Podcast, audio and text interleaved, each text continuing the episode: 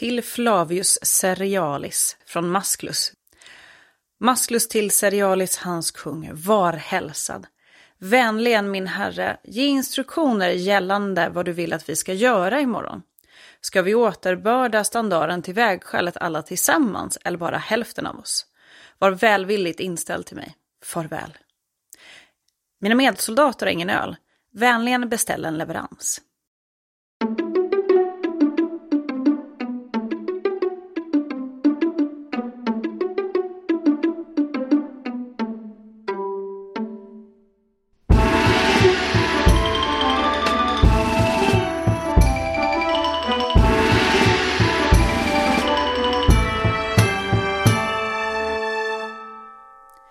Hej och välkomna till Podius Castus, en podd om antiken. I lurarna har ni mig, Hanna. Och den här gången så ska vi ta oss till norra England och Vindolanda och de kända Vindolanda-breven. Vindolanda var ett fort i utkanten av det romerska riket. Och när det romerska riket expanderade skapades också olika typer av gränsfortifikationer. Den mest kända i norr är kanske Hadrianusmuren. Men innan den hade uppförts så fanns det redan flera fort längs med den här sträckan. Dit skickades auxilia, alltså hjälptrupperna. Personerna i de här kohorterna rekryterades till stora delar bland germaner, galler och andra folk som de hade besegrat och var allierade med.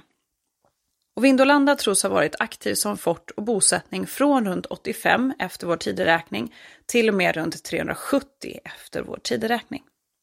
Vi rör oss hela tiden efter vår tideräkning i det här avsnittet. På platsen så har man kunnat identifiera åtta eller nio fort. Alltså inte åtta fort bredvid varandra utan byggda under olika tidsperioder. De första fem forten var byggda i trä medan de senare byggdes av sten. Forten beboddes och bemannades i omgångar och lämnades mer eller mindre obebott under kortare perioder. Och varje gång som man övergav dem så demolerades forten och sen byggde man ett nytt ovanpå. Det här gör att sajten har ganska tydliga kulturlager som representerar olika faser under platsens historia. Själva fortet låg skyddat av en mur och utanför muren så låg oftast en stad, en så kallad vicus. Här fanns huvudgata, badhus, verkstäder, värdshus och så vidare. Platsen, precis som andra platser längs med gränsen, var myllrande och troligen fanns det fler civila här än det fanns soldater. Det fanns folk som tillverkade vardagsvaror, som skötte badhusen, familjer till soldaterna, slavar och handelsmän och så vidare. I och med att platsen återkommande övergavs och lämnades så slängdes stora mängder av material.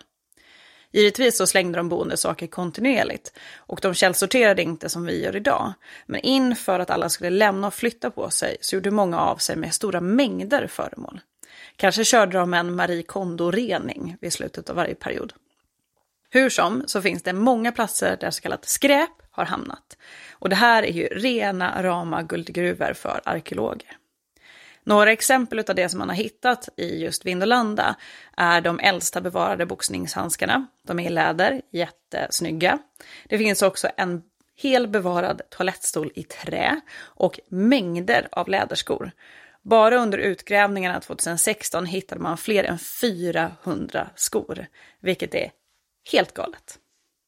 Vindolanda som bosättning och fort var alltså aktivt innan själva Hadrianusmuren byggdes. Och muren kommer att byggas strax norr om fortet. Och vill ni veta mer om själva muren och så, så kan ni lyssna på vårt minisnitt nummer 16 som handlar just om den. Vindolanda som plats är väldigt fyndrikt och det fanns tidigt ett intresse för den här platsen. Utgrävningarna påbörjades redan på 1800-talet och då var det en lokal präst som var väldigt, väldigt historieintresserad. Dock dog det hela ut när han själv gick ur tiden. Men cirka hundra år senare var utgrävningarna igång igen och det har mer eller mindre fortsatt sedan dess. Man uppskattar att eh, idag så är runt 27 procent utav sajten undersökt. Det återstår alltså otroligt mycket att göra och stora ytor att täcka om man vill det. Och just där i Vindolanda så är det otroligt gynnsamma förhållanden för arkeologer. Eller ja, det kan ju vara väldigt regnigt och lerigt för arkeologerna, men det vägs upp av den otroligt stora fyndrikedomen. Det är nämligen så att på flera håll på sajten och i flera av de här kulturlagren är det en anaerob miljö. Eh, det här beror på att när man då skulle bygga ett nytt fort ovanpå de gamla ruinerna, så täckte man dem med lera, torv, ljung och ormbunksväxter. Och det här blev som ett lock över marken och de rester som hade då lämnats kvar. Och under det här, så att säga, locket blev miljön vattenmättad och syrefattig. Det här gör ju att det finns väldigt få aktiva bakterier. Eh, och bakterier är normalt sett det som förstör de här sköra materialen. Och då pratar vi läder, textilier, trä och även metall. Eh, tänk typ um, bockstensmannen, att man får den här syriga fattiga miljön som bevarar och så att säga, mjuk, mjukdelar som vi på andra ställen väldigt sällan ser. Men nu är det dock inte människor man gräver upp i Vindolanda, utan det är just saker som personerna som bodde där har lämnat efter sig. Och vi skulle kunna och kommer säkert återkomma till Vindolanda i flera avsnitt eftersom att det finns så otroligt många spännande föremål där och flera saker som faktiskt inte finns bevarade från andra platser från den här perioden. Men idag så ska vi fokusera på det som verkligen satte Vindolanda på kartan och det är de så kallade Vindolandabreven.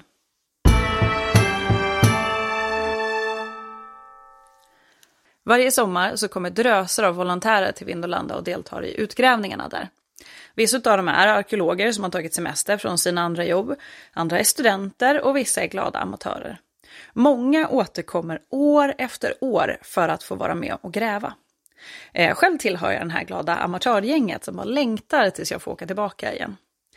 Det här arbetet leds av arkeologer och forskare och de är med och gräver ut och leder den här gruppen av volontärer. Och varje år så hittar man mängder av fynd. Det är nästan så att det väller fynd ur marken. Och jag överdriver inte när jag säger så. Det är ja, väldigt, väldigt speciellt. Men det som alla vill hitta är ju ett nytt Vindolandabrev. Och skulle det ske, för det gör faktiskt det då och då, då har chefsarkeologen en kyld flaska champagne redo. Och varför är det här då fyndernas fynd? Jo, de här så kallade breven, det är små tunna skivor av trä med skrift på. De här breven skrevs av personerna som bodde på platsen och de kunde handla om allt möjligt, men mer om det lite senare. De skickades från Vindolanda till andra fort och bosättningar i området och de skickades tillbaka från andra ställen till Vindolanda. Och det skickades brev i mängder. Själva utformningen på breven är ungefär i storlek som våra moderna vykort som man sedan ofta vek på mitten. På utsidan skrevs då namnet, alltså vem som skickade till vem. Och det här var då för att de skulle kunna levereras, där vi idag skriver adressrad och sådana saker. Och texten är då skriven med kolbaserat bläck direkt på trät. Men breven är inte enkla att hitta. Eftersom att Skivorna är så tunna och de är bevarade i en väldigt blöt miljö så är de sköra. Och de kan lätt gå sönder om till exempel en spade eller ett annat verktyg kommer åt dem. Dessutom så har de också mörknat och är ganska svåra att urskilja från den omgivande leran. Så fort de utsätts för en ny miljö, alltså syre och så vidare, så påverkas de och börjar förstöras. Så de måste skyddas så fort de kommer ur marken. Men de här förutsättningarna som har gjort att de här typerna av föremål och andra sköra material har bevarats är faktiskt inte unika för just Vindolanda. Runt om i England finns flera andra sajter där man har liknande förutsättningar. Det finns till exempel platser i dagens London där man också hittat brev och texter från den här perioden. Men Vindolanda är den plats som, i alla fall fram tills idag, har den största fyndrikedomen när det kommer till de här små breven. Och kanske beror det helt enkelt på att de är väldigt lätta att missa, men att man i Vindolanda håller lite extra utkik eftersom att man numera vet att de finns där. Och att det i övrigt är en ganska orörd miljö om man jämför till exempel med en storstad som London, där det också är väldigt svårt att gräva. Alla brev som man har funnit i Vindolanda är från perioderna innan Hadrianusmuren byggdes. Det betyder inte att man slutade skicka brev bara för att man byggde en mur, utan det är helt enkelt att de inte har bevarats på samma sätt. Och troligen var inte heller Vindolanda unikt vad gäller det här brevskrivandet. Om man tittar på dagens England och ser över den geografin så fanns det under den romerska perioden väldigt, väldigt många viktiga städer och fort och andra bosättningar. Och de här behövde alla stå i tät kontakt med varandra. Man behövde helt enkelt skicka brev och det måste skickas brev i mängder. Det är otroligt mycket information som ska fram och tillbaka. Men det är då på vissa platser, de finns bevarade och där man har möjlighet att gräva ut dem.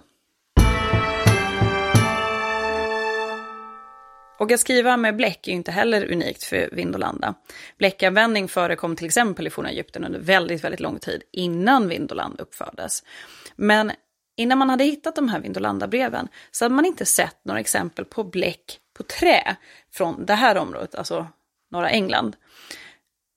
Och sen det första brevet upptäcktes, och det var den 23 mars 1973, så har man på andra sajter hittat liknande skrifter som också eh, är daterade till äldre tider än då från just Vindolanda. Men länge var de här de äldsta utav den här typen och därför är det ju väldigt smaskigt att skriva om dem i tidningarna. Sen den där första upptäckten 1973 så har man hittat drygt 1600 brev. Träslagen som man använde för de här breven det var ofta björk, ek, al, alltså lokala träsorter man tog det som fanns nära till hands. Men det finns också andra typer av brev eller skrivdon. Eh, och det är något tjockare träskivor med en urgröpning där man har lagt ett lager vax på. Och då har man då istället ristat in texten i vaxet. De här typerna kunde man ju då så att säga sudda genom att slätstryka vaxet igen. Men just idag fokuserar vi på den här bläckskrivna breven. Men om du har lyssnat så här långt och ännu inte har gått igång på de här tunna träskivorna med lite text på, så tycker jag ändå att du ska slå dig ner och förbereda dig på att bli förstummad. För det här är ändå någonting alldeles extra. För alla har vi väl hört talas om de här bevarade antika skrifterna som handlar om administration. Det kan vara skatter, det är lagar, det är domslut, det är räkenskaper, dekret och officiella kungörelser. Och sånt är otroligt fascinerande. Men man kanske inte riktigt känner att man kommer individerna sådär mm, nära in på livet. Men vind och landabreven är någonting helt annat. Bland de här breven finns det festinbjudningar, det är personliga hälsningar, det är skuldlistor, det är beställningar. Så det är en annan typ av brev som gör att vi, vi nästan sitter med dem när de sitter och skriver de här texterna.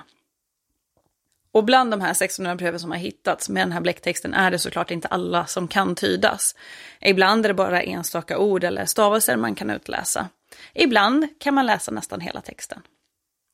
De är skrivna med en eh, latinsk form av stenografi. Det är alltså en väldigt kompakt skrivform som inte alltid är så lätt att tyda. Vid den här första upptäckten på 70-talet så tyckte man att det man såg nästan påminde om hieroglyfer. Personligen tycker jag inte riktigt att de liknar hieroglyfer när man studerar fotografier. Men fotografier av breven är ju lättare att tydla än det man såg när man var ute och grävde. Men den texten som man ser på breven liknar inte heller den latin man är van att se på monument eller inskriptioner. Dessutom så kan man lägga till den lilla svårigheten att Vindolandaborna, precis som säkert de flesta som levde runt omkring, var väldigt förtjusta i förkortningar. De gjorde avstavningar, de gjorde radbrytningar när träet tog slut. Oavsett var i ordet eller meningen man befann sig. Det krävs alltså ganska mycket detektivarbete och ganska stora kunskaper för att kunna tyda de här texterna. Men som tur var så finns det ju många experter runt om. Och de har både kunnat få fram en synlig text på breven genom olika typer av fotografering, infrarött ljus, undersökningar och så vidare. Eh, och sen också kunna tolka de här inskriptionerna. Och väldigt många av de här breven finns publicerade online så man faktiskt själv kan sitta och titta på dem och läsa om dem. Bland de mest kända breven finns till exempel festinbjudan från Claudia Severa till Bedina. I det här brevet så bjuder Claudia Severa in sin vän på en födelsedagsfest. Hon passar också på att fråga hur det är med Lepedinas familj och skickar hälsningar från sin make och sitt barn.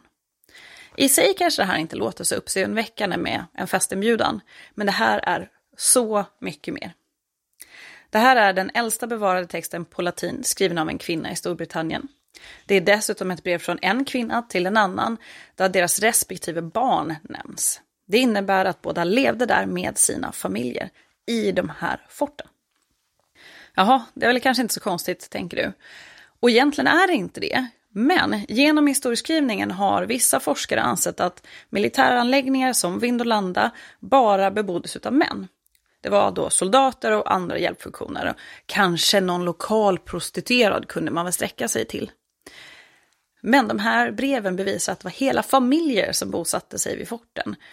Och det finns faktiskt mängder av andra bevis på att det fanns kvinnor och barn där som inte var prostituerade, men det får vi ta en annan gång.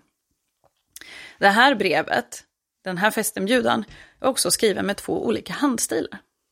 Det gör att man har tolkat som att den första delen är skriven av en professionell skrivare, medan avslutningshälsningen är skriven av Claudia Severa personligen. Och detta i sig betyder ju att hon också då var läs och skrivkunnig.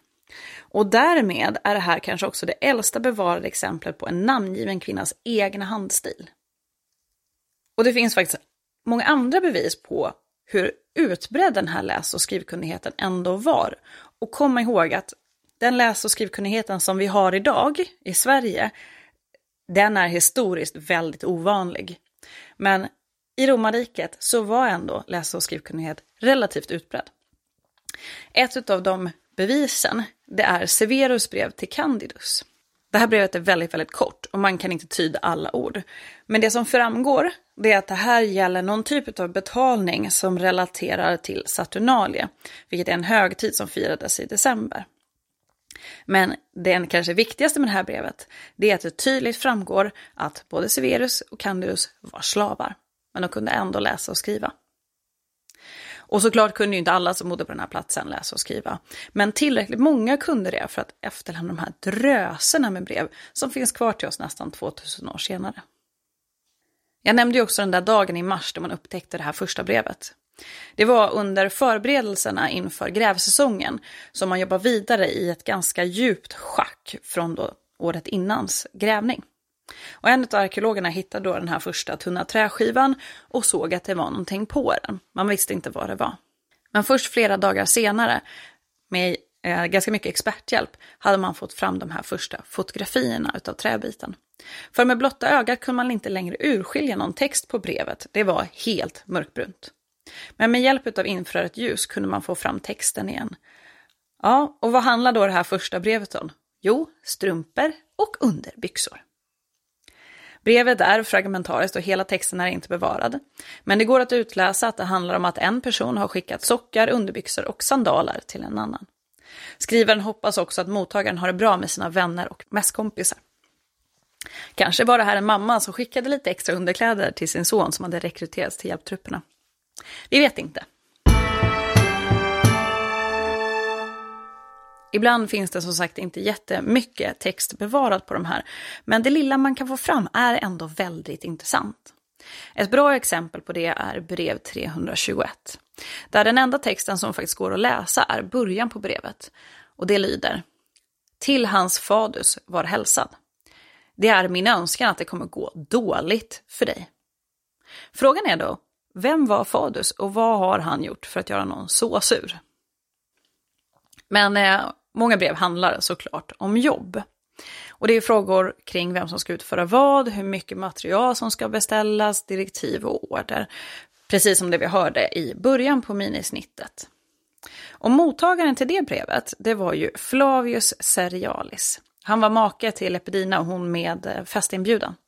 Han var också prefekt över nionde Batavorum-kohorten och de var då stationerade vid Vindolanda under det som idag kallas period 3 i Vindolanda. Och det var från 97 till 105 efter vår tideräkning.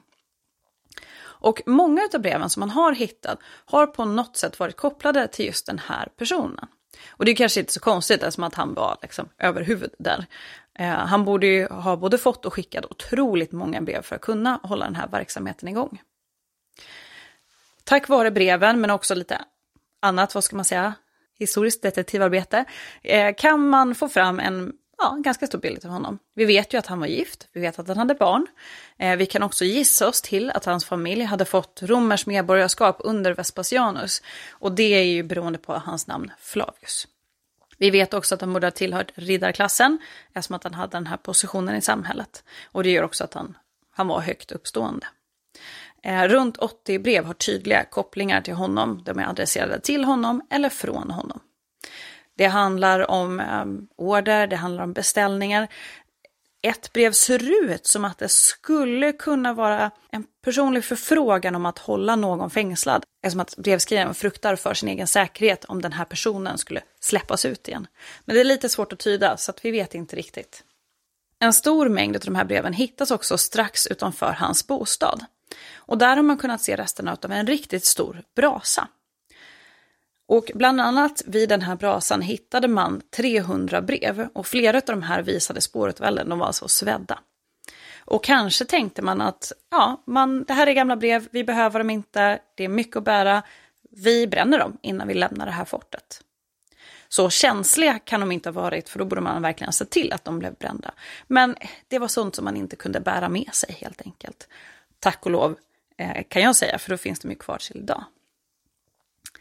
Och Masklus, ni vet han som skrev det där första brevet och bad om mer öl, han skrev också andra brev. Han skrev ett till eh, prefekten Vericundus, alltså en annan prefekt. Och i det brevet så skriver han bland annat att räterna har bett mig att begära från dig ledigt för fem män som står under ditt ansvar. Så i ett brev ber han om mer öl och i annat ber han om ledigt. Varför denna Masklus skrev brev till en annan prefekt, vilka de här männen som ville ha ledigt var och vilket ansvar han själv hade, det vet vi inte med säkerhet idag. Men bara det att ha kvar brev från samma person som skriver till olika personer inom det här systemet. Och det här är ju ändå för nästan 2000 år sedan. Det är rätt så magiskt. Och vem vill inte ha mer öl och ledigt?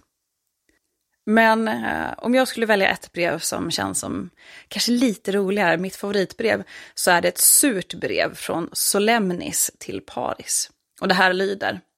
Solemnis till Paris, min bror. Väldigt många hälsningar.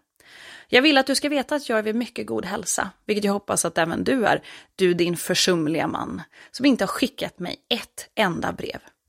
Men jag tror att jag beter mig mer omtänksamt som skriver till dig, min bror, min mässkamrat. De här breven är alltså en direkt inblick i hur livet runt de här platserna kunde se ut. Och tillsammans med de andra fynden, både från Vindolanda och från andra fort, kan vi faktiskt skapa en ganska bra bild utav hur det var att leva runt 100-talet efter vår tideräkning. Och det i sig är otroligt fascinerande. Och de här breven slutar ju såklart inte att fascinera. Både de som redan finns och som fortfarande undersöks, men också eftersom man fortfarande hittar fler om man hittar brev från andra platser också. Och sedan sommaren 2022 har man också inlett ett nytt forskningsprojekt. Och det här är då via British Museum, för det är där breven förvaras idag. Det här forskningsprojektet ska jag närmare undersöka hur breven tillverkades. Tidigare har ju fokus ofta varit på själva texten. Men nu ska man titta på vad man kan säga om träslagen, eh, om materialen som användes för att skapa bläcket och så vidare. Vad, vad finns det mer att se där? Och kanske kommer vi att få veta mer om breven och också de personer som skrev dem. Kanske kommer det visa sig att Masklus behöver mer öl, Claudia Severa kanske har fler fester, eller att Solemnis till slut fick ett svar från sin vän Paris. Framtiden får helt enkelt visa. Det här var allt för idag. Jag kan verkligen tipsa om att besöka Vindolanda om ni är och reser i England. Och om möjligheten finns så kan jag varmt rekommendera att delta i de här utgrävningarna. Det är otroligt spännande. Men eh, tills den möjligheten uppstår Eh, så kan man faktiskt besöka British Museum. De har ju digitala samlingar och även sidan Roman Inscriptions of Britain där man kan se både Vindolanda-brev eh, men väldigt mycket andra romerska inskriptioner, inte bara brev. Vill ni komma i kontakt med oss så finns vi på Instagram och på Facebook. Vi finns också på mejladressen podiuscastus.gmail.com. Du får jättegärna lämna ett betyg eller en tumme upp där du lyssnar på poddar eller skicka oss en liten hälsning. Och med det så får jag säga tack för idag och på återhörande.